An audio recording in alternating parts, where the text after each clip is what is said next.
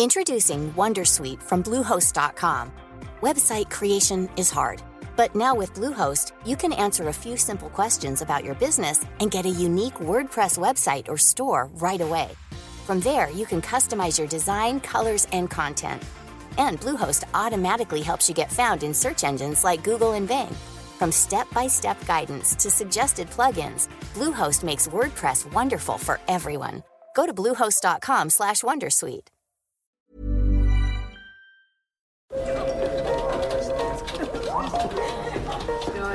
Dette er lyden av norsk næringsliv. Akkurat nå tas det små og store valg som kan bli avgjørende for fremtiden. Med økonomisystemet X-Leger tas disse beslutningene basert på informasjon i sanntid, slik at drømmer og ambisjoner kan bli virkelighet. Få kontroll og oversikt. Gå inn på xledger.no. Denne sendingen er sponset av Xleger.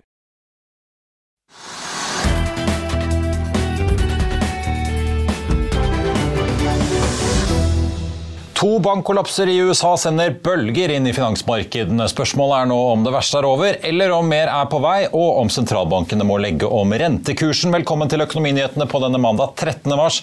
Mitt navn er Marius Lorentzen, og vi skal gi deg en så fyldig gjennomgang av det som skjer som mulig.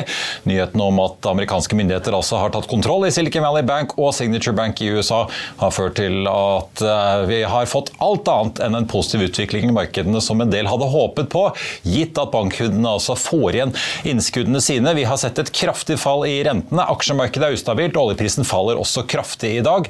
Og alle lurer jo nå på om sentralbanken altså må endre planene sine, idet vi altså har, nå har sett den største bankkollapsen siden finanskrisen utfolde seg. På denne får vi si historiske og svært hektiske dagen så har vi med oss DNB Markets kjente bankanalytiker Håkon Astrup, og også sjeføkonom Bjørn Roger Wilhelmsen i Nordkinn Asset Management er med oss litt senere, som altså skal dele sine analyser i et sakskompleks som stadig er under utvikling. Nå senest Klokken 14 så var altså USAs president Joe Biden på talerstolen kort for å betrygge markedene i en får vi si, kort seanse i Det hvite hus før han satte seg på flyet til California. Og kursendringen fra finanskrisen som han prøver å få frem, er jo interessant.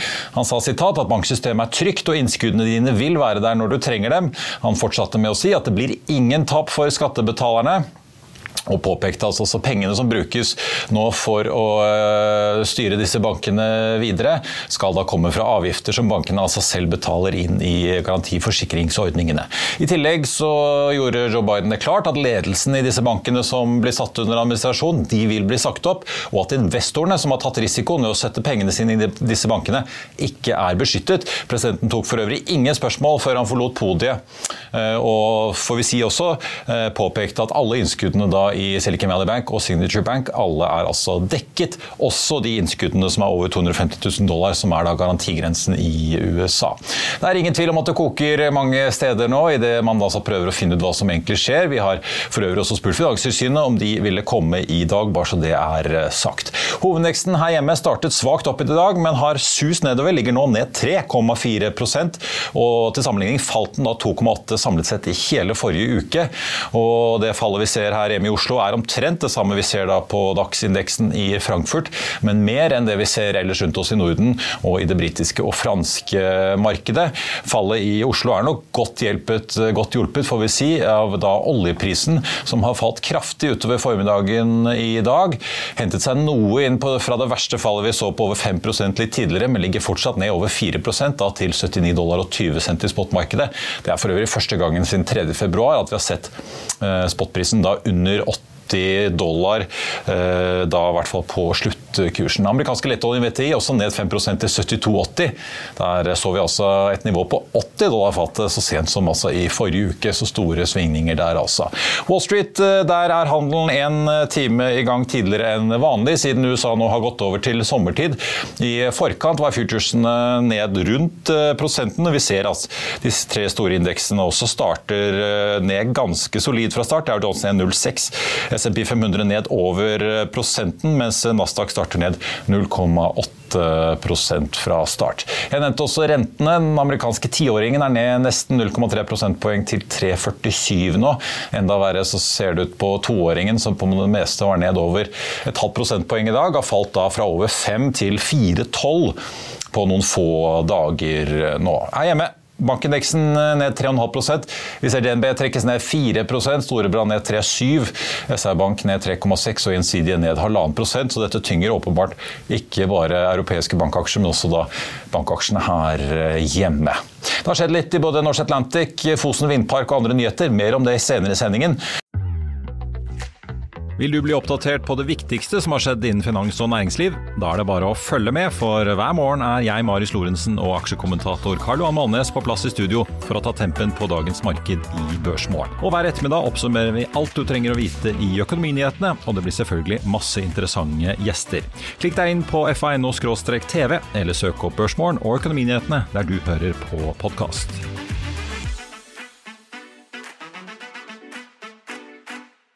Vi skal straks høre hva Håkon Nostrup i DNB har å si, men først litt om hvilke andre banker som har blitt eh, påvirket. For samtidig som bankaksjer også generelt er nede i dag, så rammes noen spesielt hardt. Ikke bare på børs, men også på bakken. Regionale bankaksjer i USA er kraftig ned, slik vi også ser noen europeiske bankaksjer som Credit Suisse og Commerzbank. First Republic Bank i California har vært i søkelyset. Der stilte kunder seg opp i kø helgen for å få ut penger. Aksjen var ned 60 eh, i førhandelen, starter altså ned 65% nå på Wall Street. I går eh, på søndag så sendte banken ut en melding om at de hadde fått tilgang til mer likviditet fra både den amerikanske sentralbanken og JP eh, Morgan. Og på børsmålet i morgen så hadde vi besøk av Nordea Livs investeringsdirektør Leif Rune Husby Rein, som sammenlignet dagens situasjon med finanskrisen i 2008. Hvordan han mener myndighetene den gang brukte altfor mye tid slik at frykten fikk spre seg. Bare se her. Ja, for oss som husker tilbake til finanskrisen, og med på det, så var jo problemet i utgangspunktet det at eh, virkelig frykten fikk satt seg i markedet. Man tok ikke tiltakene man trengte for å stoppe den på mange måter nedadgående spiralen man eh, hadde. Brukte for lang tid. Ehm, ingen av disse tingene ser ut til å være tilfellet i dag. For det som skjer når frykten sitter seg, det er det at alle begynner å se på hei, fins det noen andre her? Eh, og så får vi det som, som man kaller Eh, jakten på den eh, svakeste part, eller the weakest link. Og da får man situasjoner hvor egentlig selskaper, banker, som egentlig ikke har noe problem, plutselig får det. Fordi at du kan få skapt bankruns på dem. Så det er veldig veldig viktig å få stoppet. Og det er nok det som myndighetene har lært mye av den gangen. Så jeg er ikke spesielt bekymret for den situasjonen som oppstår nå. Nei, for det kan jo fort bli en sånn selvoppfyllende profeti? det der at... Ja, hvis du ikke holder altså Bankvesenet er, eh, er bygget på tillit, og den er det viktig at sentralbanken ivaretar og myndighetene ivaretar. Da skal vi altså se nærmere på banksektoren, nå som vi altså har to amerikanske banker som er satt under administrasjon, og får vi si hvor altså HSBC tar over i hvert fall den britiske delen av Silicon Valley Bank. Med oss nå fra nettopp London har vi bankanalytiker Håkon Astrup i DNB Markets. Veldig sporty av deg, stille opp på kort varsel. Jeg vet du har en travel dag Håkon, med møter med investorer i eh, London. Du, skal vi kanskje begynne med først eh, Det er ikke hver dag vi ser en eh, bankkollaps. bankkollaps. Dette er jo den største vi har sett siden finanskrisen, som en rutinert analytiker banker som følger sektoren. Hva tenkte du da du hørte disse nyhetene om at både denne og Signature Bank altså ryker? Nei, eh, som du sier, Marius, det er ikke hver dag vi får bankkollapser. I hvert fall ikke av sånn type skala. Må tilbake til finanskrisen og 200 milliarder dollar i, eh, i total eh, eiendeler. Det er ikke akkurat lite. Så dette er absolutt signifikant. Du, vi ser jo også, det, var jo litt i tvil hvordan markedene ville åpne i dag. Først så tolket jo folk som at ja, men nå kommer Federal Reserve, FDIC og også for så vidt britiske myndigheter inn ganske kjapt. Sier at her kommer det tiltak, og at derfor markedene ville ta dette ganske positivt tross alt. Men så har vi jo sett at bankaksjene har surnet ganske mye. Eh, selvfølgelig, vi har de store nede i Europa. Credit Suisse eh, ned 9% Commerzbank i Tyskland 12% HSBC, som altså går inn og kjøper da for ett pund eh, denne britiske virksomheten ned 3,5 Uh, ser litt penere ut her i Norden. DNB ned 3% Storebrand 3 Gjensidige halvannen. Vi ser de svenske også ned sånn stort sett et par uh, prosent. Det påvirker jo hele sektoren, dette her? Absolutt. absolutt. Det er jo generelt høyere usikkerhet som påvirker alle. Uh, når det er sagt, altså, ikke helt eh, jeg å se noe sånn direkte effekt på de norske og nordiske. Jeg tror ikke at dette vil få betydelig effekt på inntjeningsestimatene eh, til f.eks. De, de, norske bankene, men du ser jo generelt høyere usikkerhet på tvers av finanssektoren da, som, som, påvirker alle. Du må jo huske at denne Silicon Valley Bank var jo en en nisjebank med veldig sterk innskuddsvekst de siste årene, og hadde da hatt eh, ganske uheldige plasseringer av disse innskuddsmidlene og tatt betydelig renterisiko. og Sånn type, eh, sånn type risiko har du f.eks. ikke i de, i de norske bankene. Nei, for det jeg lurte på. Nå har jo da FDIC, denne garantiordningen i USA, gått ut og sagt at alle innskuddene er jo sikret, for de har jo hatt mer øh, aktiva enn øh, altså nok til å dekke alle øh, innskuddene. Det samme gjelder jo Signature Bank. Men er det noen, litt apropos det vi så utspille seg, da, innskuddene ble trukket ut, de måtte begynne å selge obligasjoner de satt på som ikke var bokført til markedsverdi, men til verdi ved forfall, så plutselig måtte de da realisere en god del tap. Er det, en, er det noen liksom, banker du føler som sitter med noen lignende profil i, i balansene sine i det hele tatt? Nei, ikke banker som, som, vi følger. Og i de norske bankene så er det jo For det første så tar jo de da eh, løpende, eh, resul, løpende resultateffekt da, over, over, resultatet. Så du har ikke måte, muligheten på samme måte å bygge opp akkumulerte tap. Og så er det jo også I norske banker så tar man jo veldig lite renterisiko i likviditetsporteføljen sin. Så i, Mens da Silicon Valley Bank de hadde jo kjøpt eh, mye måtte, boliglåns, boliglånsprodukter boliglånprodukter osv. med betydelig løpetid. slik at når da rentene steg, så falt disse obligasjonene i verdi. Men i Norge så har man ikke eh, har veldig kort løpetid. Da. Slik at vi klarer ikke helt å se at eh, du skal få samme type effekt på likviditetsporteføljen i de norske bankene som man da har sett i noen amerikanske banker. Eh, det er, er det jo fortsatt relativt tidlig, så får vi se hvordan ting spiller seg ut her. Men det er umiddelbart to ting jeg tenker på som i hvert fall kan påvirke bankene på, i vår del av verden, og, og, særlig da i Norden mer. Det ene er jo eventuelt finansieringskostnaden. Vi vet jo at norske banker er veldig avhengig av å finansiere seg utenlands. Eh, og om da kostnaden på dette går opp. Det andre er jo hvis nå renteøkningene fra kanskje SEB og Fed ikke blir så kraftige som eh, ventet. Det er i hvert fall et spørsmål mange stiller seg nå, da, når man begynner å se at det får sånne utslag. Eh, hva vil det ha å si for eh, bankenes inntjening? Kanskje vi skal begynne med finansieringskostnaden? Da kan det påvirkes, tror du? Jo da, det, det, er helt klart. Hver gang man ser at finansmarkedet er urolig, enten om det var pga. Eh, covid, eller om det er pga. krig i Ukraina eller om det er pga. dette her, så påvirker jo det finansieringskostnaden. Så det, det, det, påvirker jo bankene, men det påvirker jo bankene jo på den nye fundingen som man da skal utstede. og De trenger jo ikke da å finansiere hele utlånsboken eh, hvert år. Så det skjer jo gradvis. Og så er det jo noe som da treffer jo Det er ikke bare enkeltbanker som blir truffet av dette, dette treffer jo alle bankene. slik at når det er eksogene sjokk som treffer alle banker, så blir det jo ofte kunden som må ta, betale prisen av dette til syvende og sist. Da. Ja. Men eh, tross alt, ganske da, selv om prisen på fundingen skulle øke nå, så vil det bli en innfaset effekt over tid her for eh, nordiske banker? Helt riktig, helt riktig Marius. Ja. Det skjer jo ikke, du behøver jo ikke finansiere hele utenlandsboken eh, i morgen.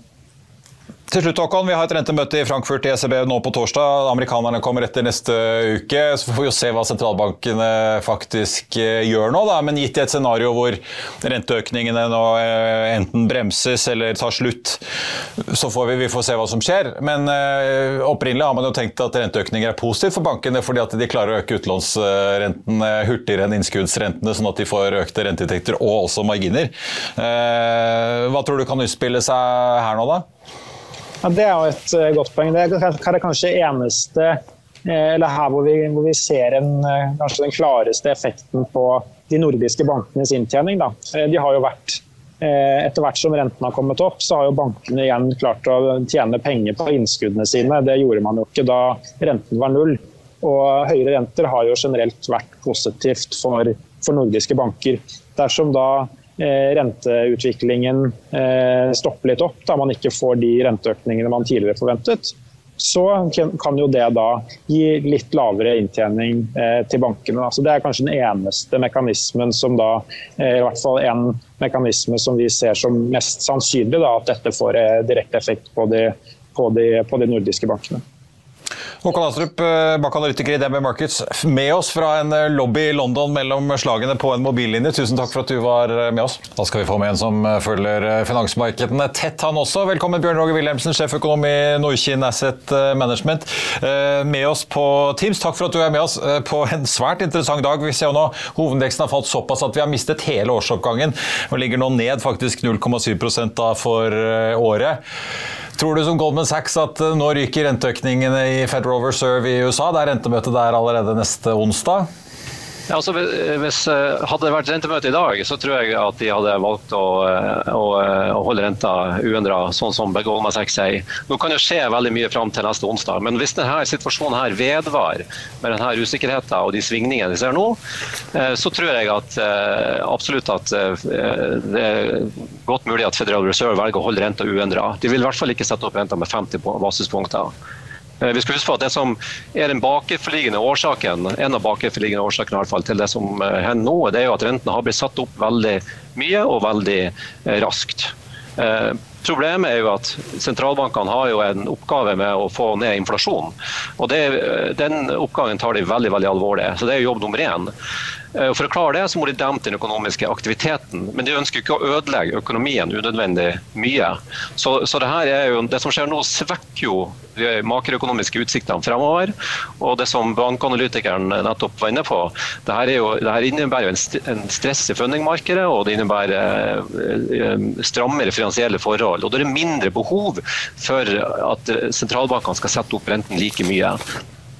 Så, ja, altså, ja, for det er, jo, det er jo kraftig fall i bankaksjer. Eh, altså Tosifret på mange store kjente navn i dag. Nå kommer jo riktignok nordiske banker litt eh, bedre ut.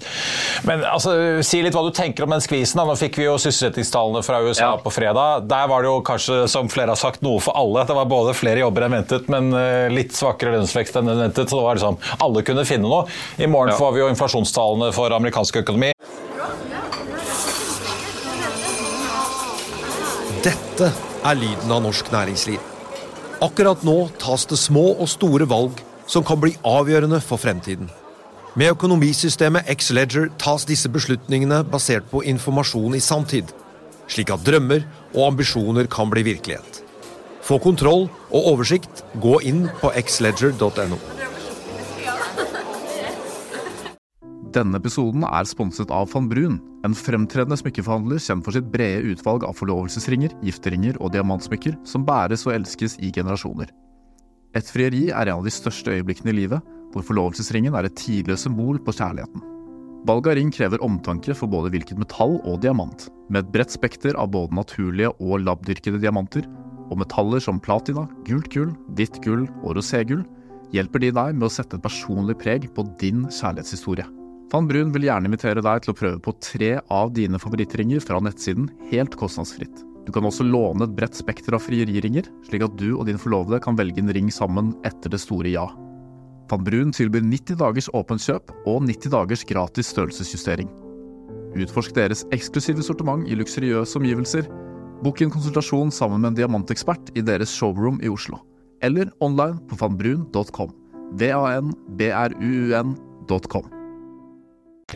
Men også i Europa eh, så har det også gått bedre enn det man kunne eh, frykte. Så på den ene siden så ser de nå at det er en del selskaper og banker som åpenbart sliter med de renteøkningene som har kommet ganske fort, men så har de også en økonomi i bunnen som ser ut til å ikke ville kjøle seg så fort, da, eller? Eh, jo, det, det er helt sant. Det, det, er helt sant. Det, det, er et dilemma der. og det er helt rett at Hvis vi ser litt i bakspeilet nå, så har de data som kommer inn fram til og med forrige uke, de har vært sterkere enn venta. Eh, og inflasjonspresset er høyere enn venta. Så, så, forrige uke så var det utsikter til at man måtte eh, øke rentebanen og en, indikere en høyere rentetopp enn det som man gjorde i, i januar og desember. Så Man begynte å snakke om rente opp i 6% i USA blant annet, og, og 4 i, i, i, Norge og over det også i Europa. Så, så den økonomiske situasjonen ifølge data er veldig veldig sterk. Men nå får vi altså en situasjon som svekker utsiktene fremover og skaper stor usikkerhet. Og Det kommer sentralbankene til å ta hensyn til. Eh, så Det er jo ikke noe veien for at man kan trå litt mer varsomt fram i denne situasjonen her. Hvis dette skulle blåse over, eh, så, kan jo sentralbankene fint begynne å sette opp rentene igjen videre senere. Så her, den situasjonen her kommer til å bli tatt hensyn til. Eh, om, om, det, om utfallet blir at Fed holder renta uendra eller øker renta, det er jeg fortsatt veldig veldig usikker på, avhengig av hvordan situasjonen får utspeilt seg fram til neste møte, som er neste uke. Men, eh, men jeg vil ikke bli overraska om man velger å holde renta i ro på det møtet her, hvis denne situasjonen her vedvarer. Det er jo litt interessant. På denne siden så har det også JP Morgan-sjef Jamie Dimon som har gjort og sagt noe vel siden Davos-møtet i januar, at han, han tror kanskje 6% blir rentetoppen i USA. Samme banken stiller altså opp sammen med Federal Reserve nå og hoster opp eh, sånn at eh, First Republic i California får mer eh, likviditet. Man må jo legge til grunn at hvis Jamie Dimon går og tror at her kan rentenivået USA ende på 6% så har han forberedt banken sin på det. Anses jo som kanskje den mest solide banken, i hvert fall de store globale bankene.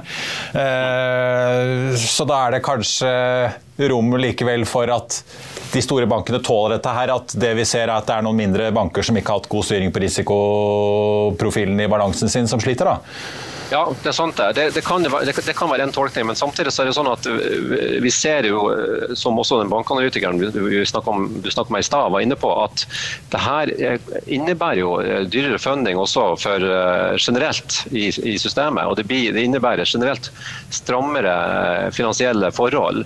Så det, det gjør jo isolert sett da, at det er mindre behov for økte sentralbankrente enn om hvis de finansielle forholdene hadde vært som de var for bare tre-fire dager siden. Så, så det her er jo en ganske stor eh, endring i markedet som, som får innvirkning på hvordan sentralbankene tenker noe om fremover. Så de, de, kommer til å ønske å gå litt mer forsiktig frem. Så får vi se om det, om det om, om, eh, så Isolert sett så tror jeg markedet har rett i at rentetoppen ikke, sannsynligvis må trekkes ned i forhold til det man så for seg i midten av forrige uke, ettersom det har vært så store utslag i markedene.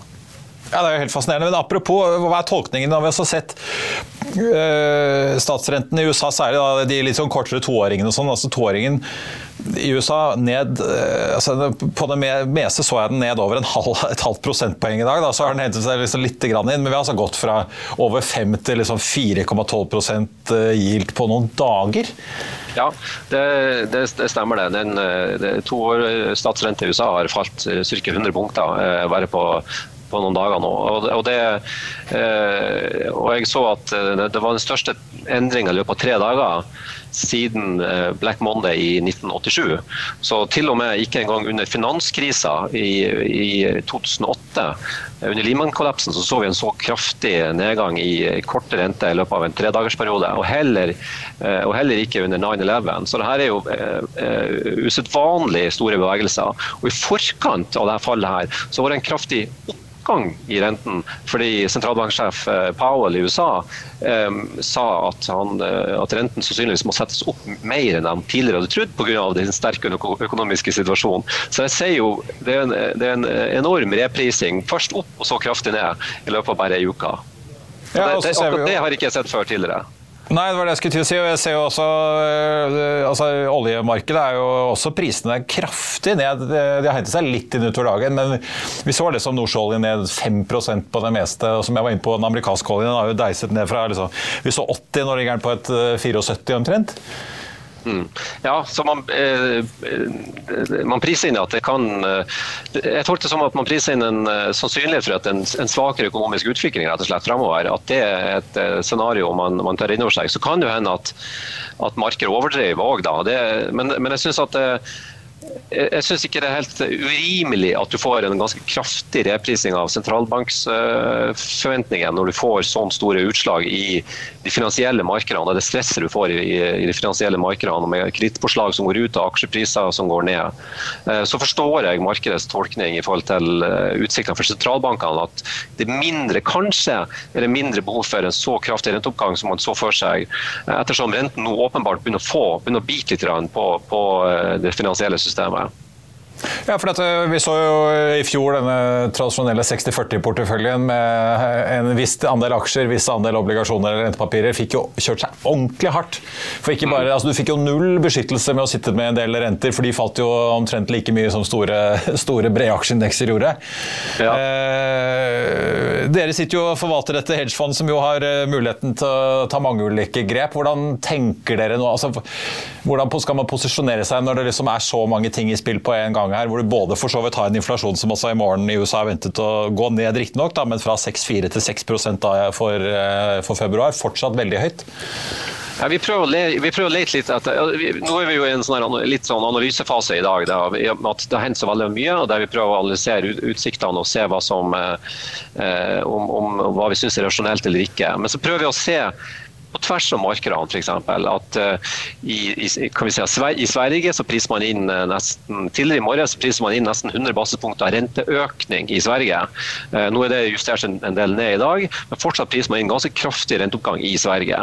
og det er klart at hvis om, om f.eks. Goldman Sachs har rett i at det ikke blir renteøkning i USA, eh, og vi plutselig er på, er på topp i USA, eh, er det rimelig at man skal prise inn så kraftig renteoppgang i Sverige. Det er Sånne ting ser vi på.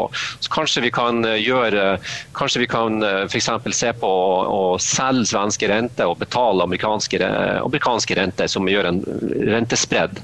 For å utnytte sånne type bevegelser som går i ulike retninger i, i markedet. Det er det vi sitter og gjør i dag. Hva tror du Kristin Lagaidi og hennes kollegaer i Den europeiske sentralbanken tenker? da? For de har jo møtt sitt allerede nå på torsdag. og eh, ja. Skulle kanskje ønske at de hadde det etter Federal Reserve, eller? Ja, det tror jeg. Uh, nei, altså det, eh, det, er helt klart at altså Der har jo markedet vært helt sikker på at det skulle få 50 basepunkters økning. Og, og, men også der er det sånn at man er mer usikker. Kommer det til å bli eh, Nå er jo rentenivået mye lavere i, i, i ECB. Den er jo bare 2,5 eh, så, så, så markedet var sikker på at de skulle eh, inntil i dag da, var sikker på at de skulle sette opp renta til 3 altså ca. 50 basispunkter. Eh, men, eh, men, markedet priser jo nå en mindre sannsynlighet for 50 basispunkter for Fed. og Det tror jeg også for så vidt er rimelig. De har jo gått ganske hardt ut og, og, og, og signalisert tydelig at 50 punkter er det som er base case. Eh, jeg er personlig veldig veldig usikker på hva de vil gjøre, om de vil gjøre 25 eller, eller, eller, eller 50. Men jeg tror at de setter opp renten med enten 25 eller 50. Da. Jeg tror ikke de holder renta uendra. Til slutt, Hva er det du tror, hva er, liksom, hva er deres uh, trygge havner hvis du skal gi råd uh, til folk? Da, annet enn selvfølgelig det å sette penger i fondet ditt. Men uh, hva, hva, er det som er trygge havner, enten man snakker renter eller aksjer, eller hvis man har fritt spillerom i dag? liksom? Nei, Det er jo veldig veldig vanskelig. For det, man, altså tidligere så har vi jo sett at eh, statsobligasjoner har jo vært trygge havner. fordi at eh, når, når aksjemarkedene er ned og kredittspreddene er ut, så, så, er det ønska å kjøpe statsobligasjoner. Eh, og Det har jo vi sett i dag, at det har vært en veldig sterk oppgang i, i prisene på statsobligasjoner og rentefall på statsobligasjoner. Problemet er jo at eh, om denne situasjonen her blir litt grann, eh, Det du risikerer da, det er at om denne situasjonen blir litt grann, eh, mindre alvorlig, så kan, så kan, man se for seg at den amerikanske sentralbanken er nødt til å sette opp renten litt videre. Og Da vil du få en kraftig nedgang igjen i, i de her statsobligasjonskursene. Så det, det, ikke noen, det finnes egentlig ikke noen sånn ordentlig eh, trygg havn. Eh, men jeg, alt annet likt så vil jeg si at eh, om noe så vil jeg si at de lange lange statsoperasjonene i USA kanskje kan være noen ting, da. Men, eh, men eh, absolutt ikke eh, sikker på det. Nei, det er ja, vi får, vi får se. Det er, det er, så mye som skjer. Eh, Bjørn Roger Wilhelmsen i Nordkinn Asset Management, tusen takk for at du var med oss eh, får vi si, på en mildt sagt interessant dag. Før jeg eh, skal ta en liten gjennomgang på markedet før vi runder så tenkte jeg bare å gå, de, gå gjennom noen av de andre nyhetene som jeg også har lovet, som også har skjedd i dag. Olje- og energiminister Terje Aasland holdt en redegjørelse om Fosen-saken i Stortinget i dag. Regjeringen mener at det ikke er et rettslig grunnlag for verken å fjerne vindturbinene på Fosen eller nekte videre drift inntil til en ny konsesjon er på plass. Det meldte NTB i dag. Mitt mål er å finne løsninger som står seg for ettertiden, slik at vi unngår nye vanskelige rettsprosesser i denne saken. Det fordrer at vi så langt som mulig søker enighet, sa Aasland. Ministeren sier for øvrig at eh, man må finne en løsning som ivaretar både rettighetene til reindriftssamene på Fosen, men han vil ikke utelukke noen alternativer for hva det er. Så får vi jo se. Jeg tenkte Apropos Statkraft, som jo er en av eierne der oppe på vindparken på Fosen. De har ellers kommet med en melding i dag om at de nå har tenkt å invitere inn andre medeiere i ladeselskapet sitt eh, mer. Opprinnelig kjent som Grønn Kontakt, men som altså har byttet navn. Det har jo vært en eh, strategisk satsingsområde for Statkraft eh, med da elbillading, ikke bare i Norge, men utover på kontinentet også, da i tillegg selvfølgelig til kraftproduksjon og fornybar utbygging. Nordic Unmanned ned nesten ja, 6,5-7 i dag. Der ble det kjent at det er Arne Roland som nå, i hvert fall inntil videre, skal fungere som administrerende direktør, etter at medgründer og da administrerende direktør Knut Roar Wiig har trukket seg fra jobben. Så sa jeg også at Norse Atlantic hadde kommet med litt meldinger. Den kom faktisk, altså De kom med trafikktallene sine da fredag morgen. Fredag, sent fredag ettermiddag så meldte de at de altså vil gjennomføre reparasjonsemisjonen eh, for da den pengeinnhentingen som de litt overraskende annonserte tilbake i november i fjor. Den meldingen eh, sa da at de fortsatt da skal kjøre selvfølgelig nok, holdt jeg på å si, emisjonskursen på 2,50. De hentet jo 300 millioner kroner i den første runden og kan potensielt da få inn 150 millioner til i den eh, nye reparasjonsrunden der. Norse Atlantic ned 1,2 i dag, ligger nå på 4,78, så fortsatt da drøye to kroner over emisjonskursen. Og så får vi også ta med Norse Atlantic ønsker å komme seg opp da til Euronext Growtech, nei, Euronext Expand, som det heter. Gamle Oslo Access. De er jo i dag på Euronext Growth, får vi si. Vi har jo sett flere selskaper ta den reisen der oppover i systemet på børsen den siste tiden.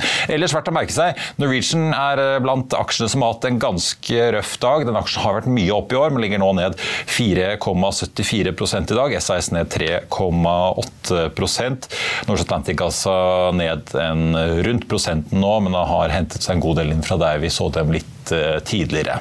Ellers så må vi jo da titte ellers på markedet, og også ikke minst på finansaksjene. Hovedindeksen på Oslo Børs ned nå 2,4% Vi har jo sett tretall i rødt litt tidligere, etter at vi altså startet så vidt i grønt, før ting begynte å suse nedover. Rundt oss på kontinentet så er det stort sett også mellom da halvannen og 3 fall på alle de store indeksene, ser det ut som. På Wall Street så har ting snudd litt etter en, ja, en halvtimes handel. Dow Jones ligger nå opp 0,2 Nasdaq Composite så vidt i pluss 0,07, mens SMP 500 ligger ned 0,1. Så der har man altså hentet seg noe inn. Det har også oljeprisen gjort, men den ligger fortsatt ned 2-2,5 litt avhengig av om du ser på nordsjøoljen eller den amerikanske lettoljen. Nordsjøoljen igjen over 80 dollar fatet. Forrige gang vi så den bikke under, var jo da i starten av februar. og så har vi jo da den amerikanske lettoljen på 74,75. På listen over de mest omsatte aksjene så er det nå Du må rulle et ganske langt stykke ned for å finne noe positivt. Movi i pluss 0,7% ellers er også Orkla litt i grønt i dag. Ellers er det ganske surt, bl.a. for PGS ned 9 De er ute og henter penger i gjeldsmarkedet og er også nest mest omsatt i dag. Har vært overvåket pga. den store handelen. Equinor ned 2 Aker BP ned 3,8 Og så er det bankaksjene. da, DNB ned 3,2% nå. Det har vært en tung dag for mange bank- og finansaksjer på Oslo Børs. Vi ser også at finansindeksen på Oslo Børs er 3 i dag. og Storebrand ligger ned 3,89, så da ser vi at de faller omtrent med mange andre europeiske bankaksjer. Men det er noen unntak. Commerzbank i Tyskland ned 15 nå. Credit Suisse ned omtrent da 10% Og så har vi jo da, jeg får jo nevne HSBC, som altså går inn og kjøper den britiske filialen til Silicon Valley Bank for da symbolske summen av ett pund. Den aksjen ligger ned nå 4 4,5% med, og så får vi si da First Republic, som jo da har fått inn ny likviditet fra Federal Reserve og JP Morgan. Den aksjen ned 67% nå i dag, i en sektor som altså har fått ganske mye juling den siste tiden, og spesielt mye juling i dag. I Finansavisen i morgen så kan du lese da selvfølgelig Trygve Egnars leder, og så blir det også mer om den store eiendomsmessen i Cannes. Det blir mer om at Fearnley spår en emisjon og utvanning i landoppdretteren Proximar Seafood. Du kan lese om rekordtallene fra Porsche, og så blir det børsintervju med Frank Maae i DNB Markets, og selvfølgelig masse mer om alt som har utspilt seg i eh, dag. Det var vår sending på denne mandag 13. mars. Tusen takk for at du så eller hørte på. Vi er tilbake igjen i morgen tidlig 08.55 med Børsmorgen. Da får vi med oss eh, konsernsjefen i inkassoselskapet Aksaktor, Og så blir det Økonominyhetene 14.30. Da får vi med oss både Petoro-sjef Kristin Kragseth, som er ute med tallene for 2022, og vi får også med oss renteforvalter i Carnegie, Mona Stenmark fra Stockholm. I mellomtiden så får du siste nytt på F1 og gjennom hele ettermiddagen og kvelden. Mitt navn er eh, Marius Thorensen. Ha en riktig god mandagskveld og ettermiddag alle sammen. Takk for nå.